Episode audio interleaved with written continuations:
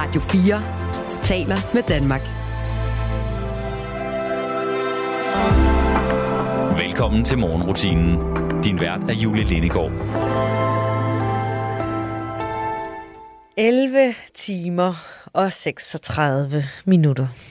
Det er dagens længde her den 13. marts. Og altså solen den står jo op kl. 6.33, og det er jo altså lige om et øjeblik, hvis du lytter til morgenrutinen her på mandag den 13. marts mellem kl. 5 og kl. 6.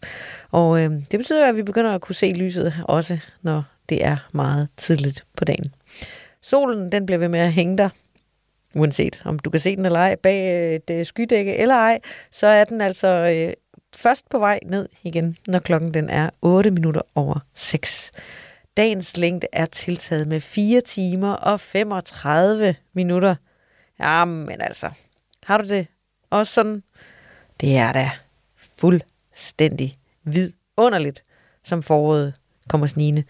Og jeg har et øh, skarpt blik på dagens længde her i morgenrutinen. Det er en af de øh, fornøjelser, jeg har mig fast og holde øje med, hvad der sker på øh, dagens længde, for jeg må bare sige, jeg elsker, elsker, elsker, elsker, at det bliver lysere og lysere og lysere. Og lige om lidt, så er det næsten lyst hele døgnet, når vi når hen til midsommer. Ah, så dejligt. Nå, men altså, vi er nået frem til 13. marts i morgenrutinen, og øh, det er mandag. Det betyder også, at du har en helt frisk uge foran dig, og jeg håber, du har gode planer for den. Jeg har i hvert fald masser af gode planer, for der er mig, der skal lytte til morgenrutinen og være her hver dag mellem kl. 5 og kl. 6 på alle hverdage. Jeg øh, har noget øh, musik med til dig, som vi skal øh, lytte lidt til, og øh, vi skal også... Øh, også øh, omkring et par andre gode historier. Sådan en øh, mandag morgen, der er det jo fuldstændig oplagt at tage en øh, tur omkring mandagstræneren. Anna Bogdanova, hun er med os lidt senere i dag, skal vi tale om øh, overgangsalder, hvad det er, der sker med kroppen, og hvad vi kan gøre ved det, hvordan vi kan undgå alle de øh, gener, som rigtig mange øh, oplever, når de rammer overgangsalderen. Primært kvinder, men der er også nogle mænd, der oplever det, så altså, uanset om du er mand eller kvinde, så er du velkommen til at lytte med på øh, det gode råd, der kommer lidt senere. Og mandag, det er jo også mulighedernes dag. Jeg kan simpelthen ikke øh, tælle, hvor mange gange jeg i mit liv har sagt til mig selv, jeg starter på mandag. Det kan være start med at løbe, start med at spise sundere, at start med at holde op med at øh, spise så meget slik. Start med at stå lidt tidligere op og lige få lidt mere ud af dagen. Start med at øh, meditere, træk vejret. Start med at være lidt mere taknemmelig. Start med at øh, få lavet madplaner. Start med at have meget mere styr på min økonomi. Start med at have totalt overblik over vasketøjet og få det gjort. Mandag. Mandag er mulighedernes dag. Jeg er også øh, nødt til en erkendelse af, at øh, det kan godt være, at jeg når at øh, sige til mig selv mange gange, at jeg starter på mandag. Men øh, det er ikke altid det lykkes. Og det betyder nok, at jeg lidt på en eller anden måde har erkendt, at ja, mandag er mulighedernes dag. Og man har en ny mandag lige rundt om hjørnet. Men man kan lige så godt gå i gang med det samme. Men nu er det altså mandag i dag. Så hvis du har noget, du tænker, jeg skal i gang, og du behøver ikke at vente til mandag efter jul, mandag efter sommerferien, mandag efter påske, mandag efter det ene og det andet. Du kan bare starte lige nu. Og lige i dag. Mandag den 13. marts, dagen, hvor vi sætter skub i de der ambitioner, og ikke bare tænker på det, men også handler på det. Inden vi sådan for alvor kaster os over alt muligt, store og små emner, så øh, synes jeg, du skal høre et øh, stykke musik. Her er Hans Philip med det nummer, der hedder Hjertebrand. 13. marts i morgenrutinen.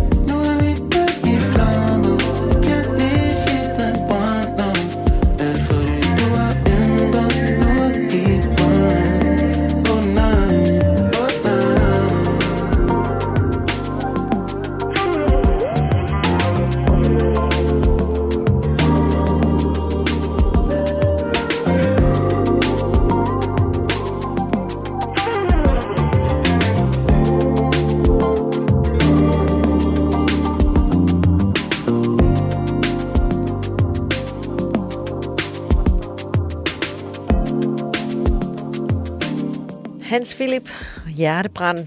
Hans Philip, som jo tidligere var en del af ukendt kunstnergruppen, men nu er gået solo, og her var han altså i morgenrutinen den her morgen. Nu skal vi til øh, noget, der har fået sindene i kog i min familie. Og måske også i andres. Jeg ved det ikke, men det er i hvert fald noget, vi har diskuteret rimelig hissigt. For de der grønne poser, vi har til madaffald i skraldespanden, vi sorterer i forskellige øh, øh, kategorier. Plastik, pap, papir, glas og madaffald og restaffald. Det, jeg tror, det er sådan.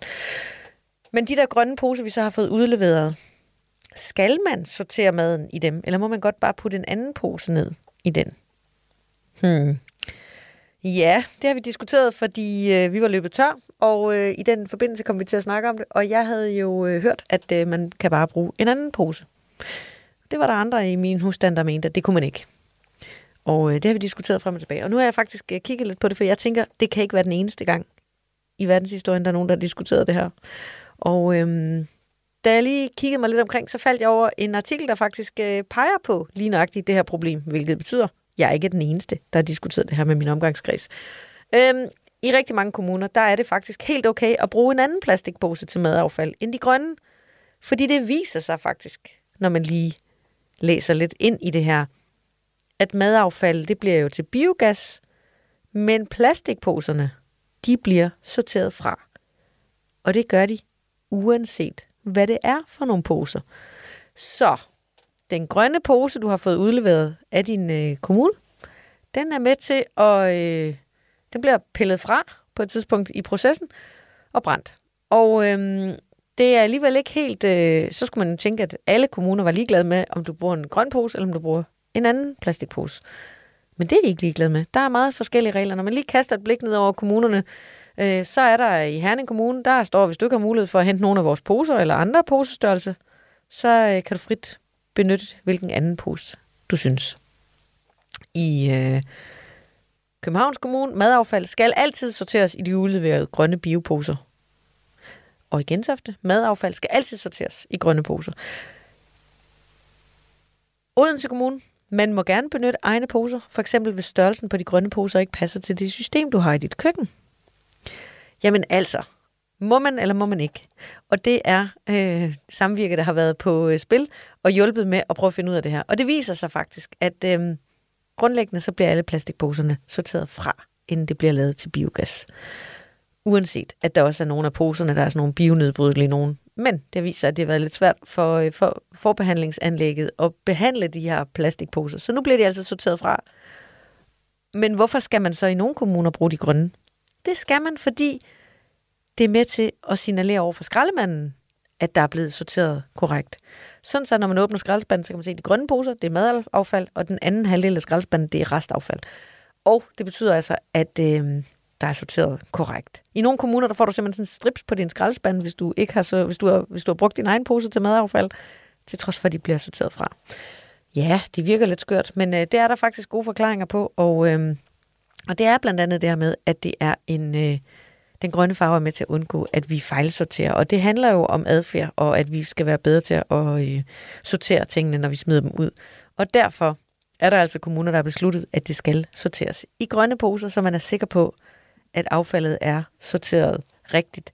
For problemet er nemlig, hvis man øh, sorterer forkert, men øh, man blander poserne, så er det faktisk meget, meget svært for øh, systemerne at håndtere det, hvis ikke det er madaffald, der kommer ned i madaffaldsspanden. Så øh, det giver sådan set meget god mening. Men øh, ja, så du bliver nødt til at gå ind på dit øh, eget affaldsselskabs hjemmeside for at se, hvilke regler der gælder i din kommune, fordi selvom at plastikposerne altså bliver pillet fra, alle steder, så er der altså nogle steder, hvor øh, det stadigvæk er et krav, at det er i de her grønne udleverede poser. Man kan også købe dem i supermarkederne, de her grønne poser. Så altså, bare for at sige, man kan godt nogle steder få lov til at sortere i andet end en grøn pose, når det er madaffald, men øh, der er individuelle regler fra kommune til kommune. Ja, og så fik vi den afklaret hjemme hos os også. Elsebeth Gjerolf Nielsen med Soto Watch.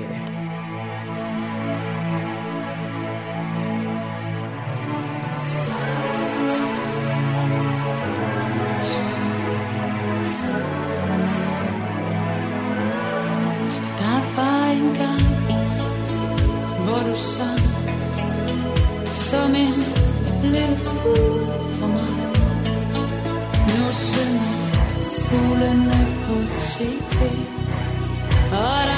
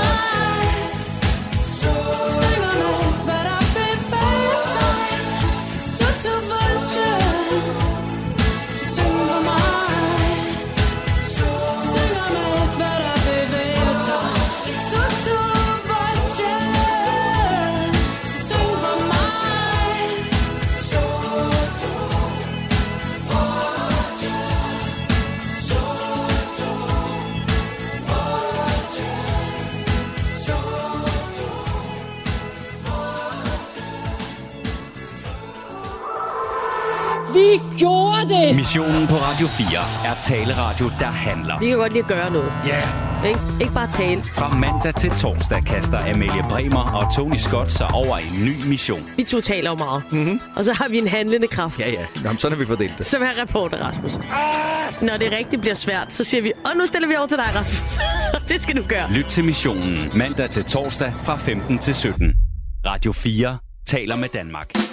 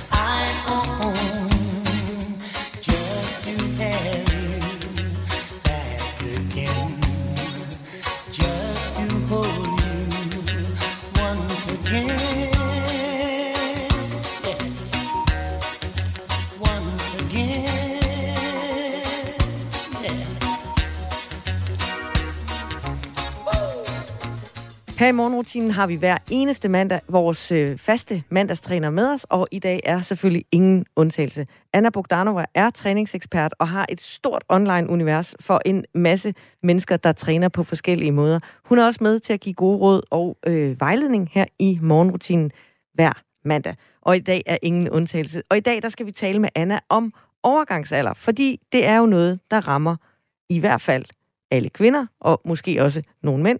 Men øh, overgangsalder, hvad er det for en størrelse, Anna? Øh, overgangsalder er jo lidt øh, som pubertet for eksempel. Det er en overgangsfase, hvor er vores krop den øh, gør sig klar til øh, nogle, nogle nye behov, øh, og det, der sker en ændring i ens hormonelle øh, balance.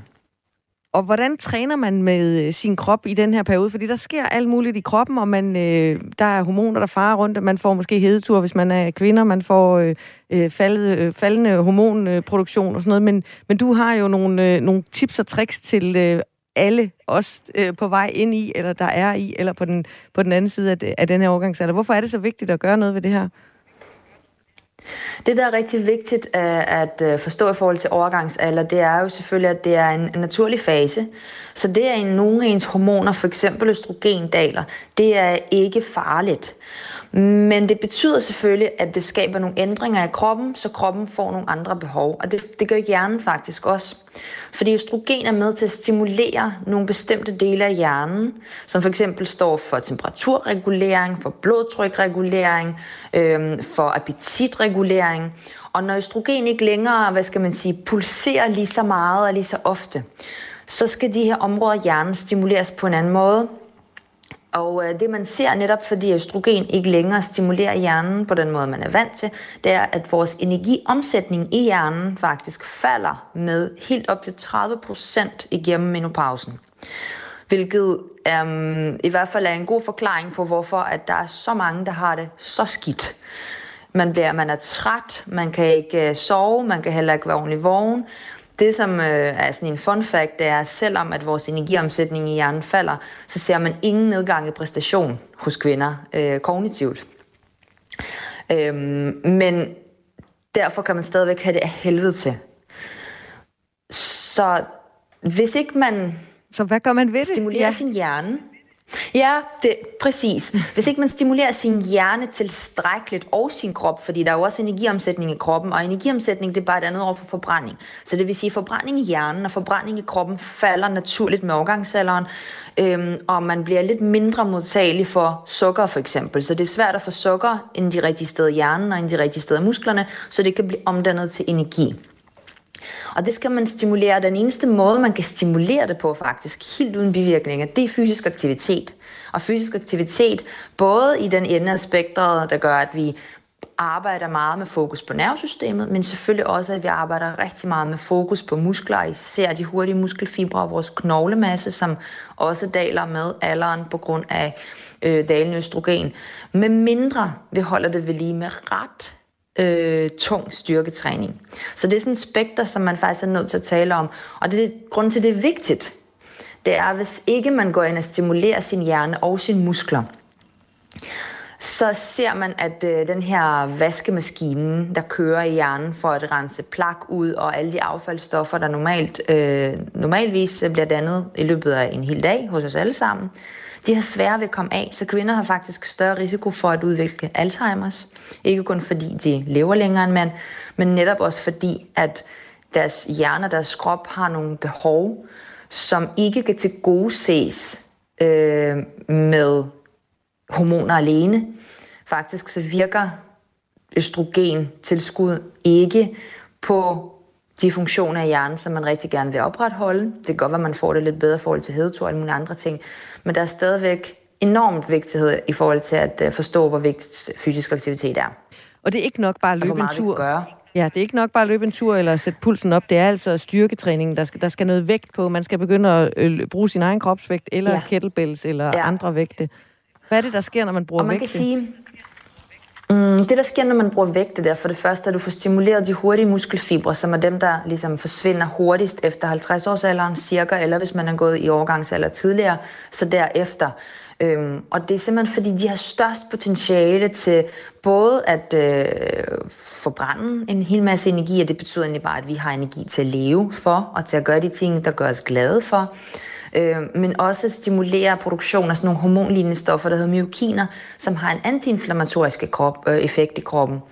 Og det er, øh, det er også de muskler, der ligesom gør, at vi holder os øh, øh, så stærke og, og powerful og eksplosive, der gør, at vi faktisk undgår faldulykker og alle mulige andre ting, der ligesom kommer senere med alderen. Så man jo ikke nødvendigvis tænker på lige nu, vel?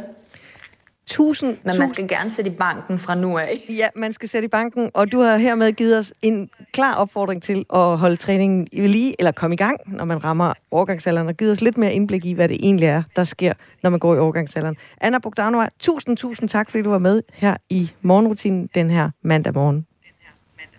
Tak fordi jeg måtte være med. You close your eyes leave me naked by your side. You close the door so I can see the love you keep inside, the love you keep for me.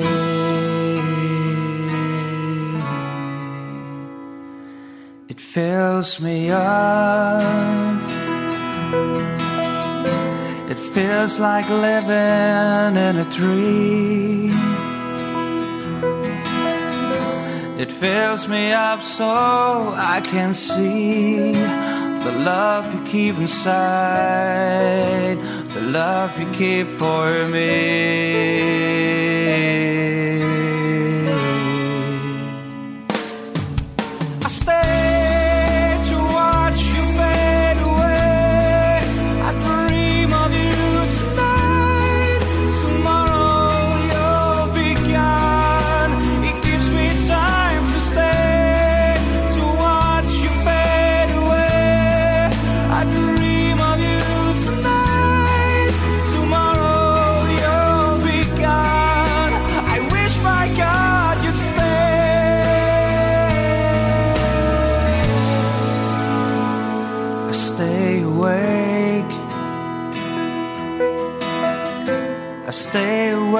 And watch you breathe. I stay awake and watch you fly away into the night, escaping through a dream.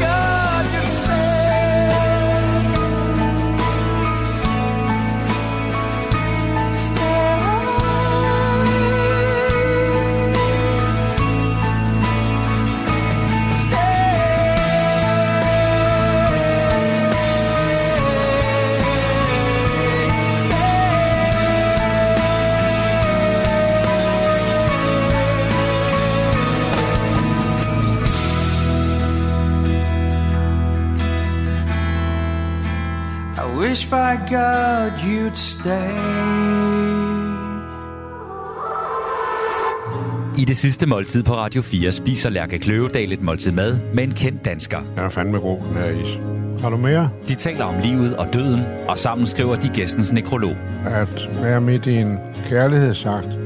Men det er sådan, jeg godt kunne tænke mig, at dø. Lyt til det nyeste afsnit af Det Sidste Måltid, der hvor du lytter til podcast, eller allerede på onsdag i Radio 4's app. Men nu får du mig langt ud på dybt vand her. Radio 4 taler med Danmark.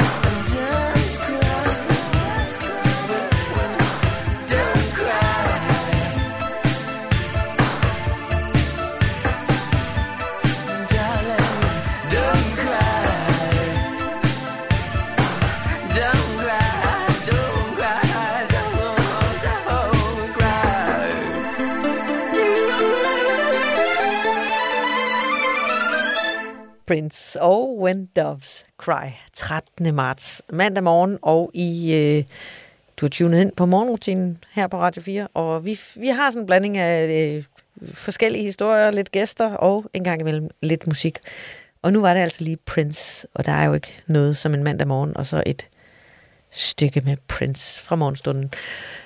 Morgenstund, altså noget af det, som Øh, der foregår rigtig mange steder. Det er et brusebad, et karbad, eller på en eller anden måde et øh, bad her fra morgenstunden. Og noget af det, som der er godt en gang imellem kan diskuteres hjemme hos os. Og måske også i rigtig mange andre hjem. Det er, hvor lang tid man skal stå ind under bruseren. Og hvad det egentlig koster, det der med at tage et bad. Fordi altså, jeg har faktisk på et tidspunkt foreslået, at øh, man lige smider en femmer på MobilePay til øh, de lange brusebade. Fordi nogle gange kan det godt være lidt hårdt at have sådan et, øh, en, øh, et par teenager, der tager lange bade. Og jeg gør det også nogle gange selv. Indrømmet. Men hvad koster det egentlig? Og det diskuterer vi jo tit, og hvad bliver det egentlig til, og bla bla bla. Og ved I hvad? Der er nu en løsning på problemet. Fordi på Bolius.dk, der er der faktisk en beregner. Og jeg har tænkt mig lige at prøve at beregne, hvad et bad hjemme hos mig koster. Inde på Bolius.dk, der kan man nemlig teste øh, en pri- prisen for et øh, bad, fordi det afhænger jo selvfølgelig af længde og type af bad, hvad, hvor energien kommer fra, og hvor mange bad man tager om ugen. Hvis vi nu siger, hjemme hos mig, der kan man tage, man kan vælge mellem øh, brusebad, karbad, spabad, brusebad. Hvor lang tid tager det? Ja, men et øh, brusebad, bum, bum, bum. Jeg skriver 7 minutter. Energikilde, jeg har gas. Putter det ind. Og hvor mange bade er der om ugen? Jamen altså, vi er øh, to teenager, en voksen. Og det er vel et sted, der bliver nogle gange gået bad i træningscenteret til fodbold. Tre- Der er vel i snit 15 bade om ugen. Hvad koster det? Så kan du trykke på beregn, og her får du så resultatet. Den samlede pris per bad hjemme hos os uh, er 6 kroner og 31 øre, og den samlede årlige pris er 4.922 kroner. Oh lord. Knap 5.000 kroner bliver der altså badet for hjemme hos os. Hvis vi nu øh, ændrede det sådan, så at vi havde fjernvarme, så ville prisen være 4.000 kroner. Hvis vi ændrede, at det var karbad 15 gange om ugen, uh, så er prisen næsten 11.000 kroner, hvis man har fjernvarme, og 13.000 kroner, hvis man har gas. Nu tror jeg ikke, der er så mange, der går i bad 15 gange, karbad 15 gange om ugen, men øh, det kan man da godt, det, det kunne være, at vi skulle tage to karbad om ugen sammen med øh, de andre, så er det 1.700 kroner. Det er meget sjovt at sidde og lege med det her, fordi man kan jo faktisk få en ret god snak med sin, øh, resten af sine familiemedlemmer om øh, prisen på øh, bade. Og hvis man nu øh, skruede, pri, skruede tempoet ned, eller skruede tempoet op på øh, de her bade, og sagde, jamen vi bader kun, vi tager et øh, brusebad, og vi holder det under øh, 4 minutter, og det gør vi øh, 15 gange om ugen i, i samlet snit, så er det altså 2.800 kroner. Så har vi lige sparet øh, en hel del penge, og øh, det er altså øh, cirka halv pris, hvis, øh, hvis vi kunne nøjes med at gå i bad i 4 minutter, i stedet for i 7 minutter. Og de øh, 2.500 kroner, det er da et meget godt tilskud til en øh, sommerferie eller lignende. Ikke? Så altså, øh, hvis du sidder og tænker, ah, jeg skal lige regne ud, hvor meget vi bruger i øh, omkostninger på at gå i bad hjemme hos os, så kan du altså gå på Boliga, Boliga boliga.dk, videnscentret, og øh, teste det. Og så har du da helt sikkert noget at tale med din familie om dit øh, forbrug, når det gælder bad. I kunne jo starte med at lave en lille øh, quiz eller en lille tipsseddel, og så kunne man lige få lov at gætte på, hvad familiens forbrug i badet egentlig koster, og så kan man gå ind og tjekke det bagefter. På den måde kan man jo få en lille konkurrence ud af det. Hvem ved, hvem gætter tættest på, hvad det egentlig koster med de her bade. Nu er der et øh, stykke musik til dig. Morgenrutinen har øh, jo en gang imellem musik med, og øh, nu har jeg fundet et lidt ældre stykke musik. Et af dem, man kan synge med på, og øh, det må du i hvert fald gerne gøre. Her er Lars H.G. med Elsker dig for evigt. Mm.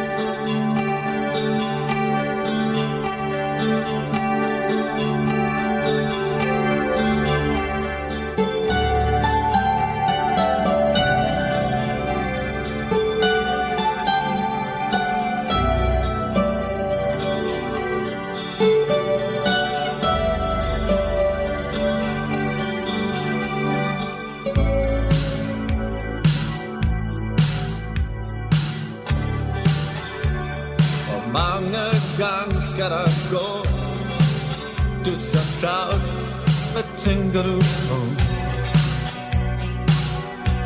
Hvad gemmer dit hjerte?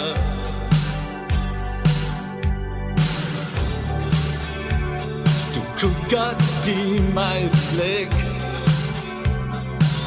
Vandre rundt i regnen Og natten har For du er smuk nu? Ja, du er smuk nu. Åh, oh, for himlens skyld. Så luk op din blomst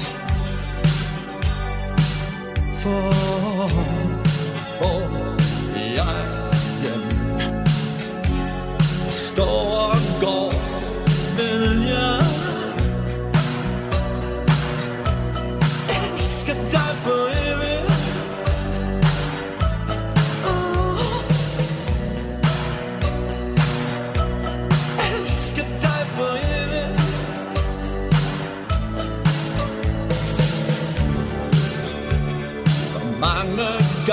skal der gå. Du er så tavs. Hvad tænker du på? Dit uskyldige ansigt. For du har skyerne med dig. Ja, du har guderne med dig. Åh, oh, for himlens skyld. Så luk op din lomme.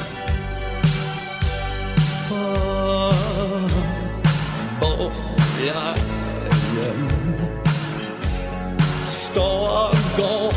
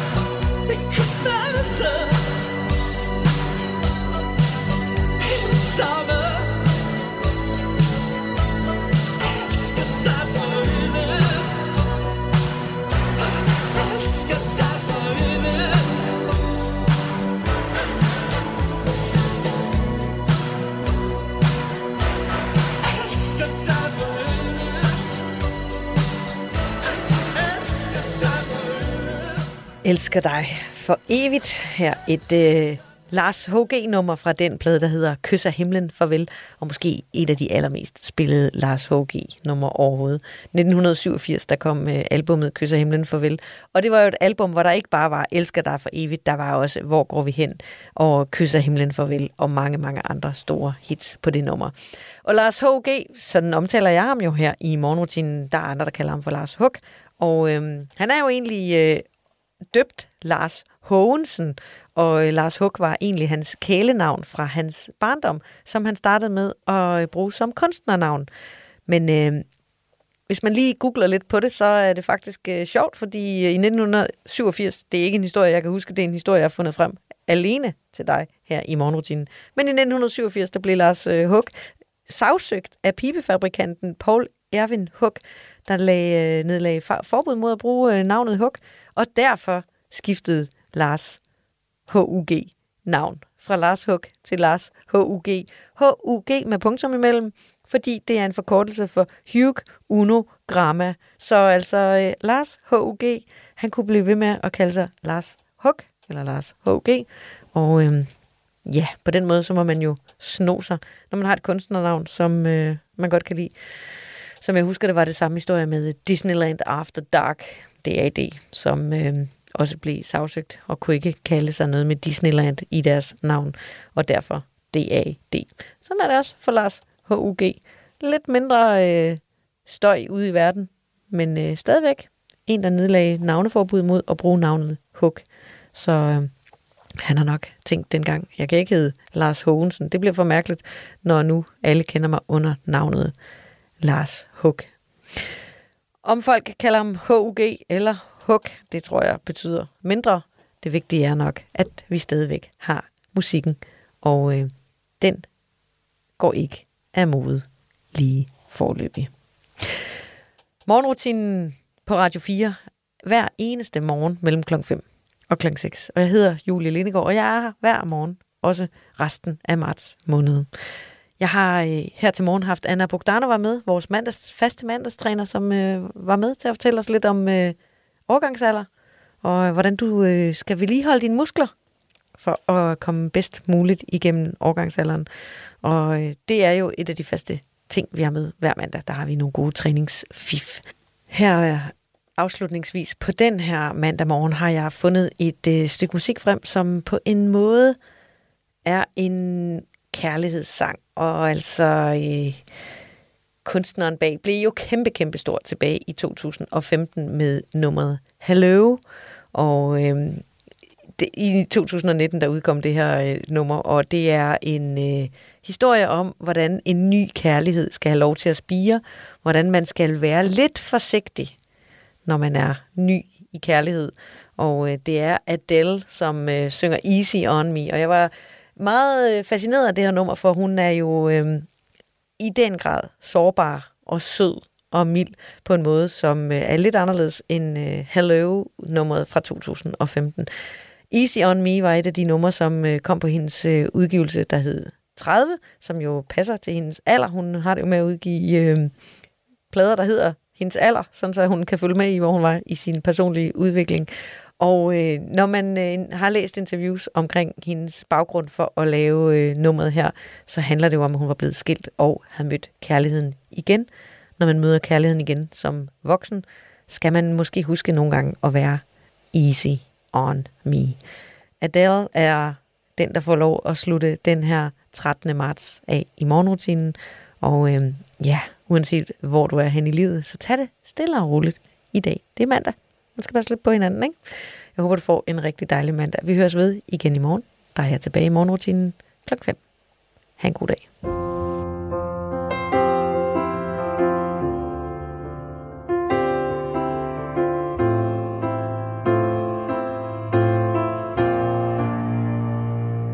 There ain't no gold in this arena.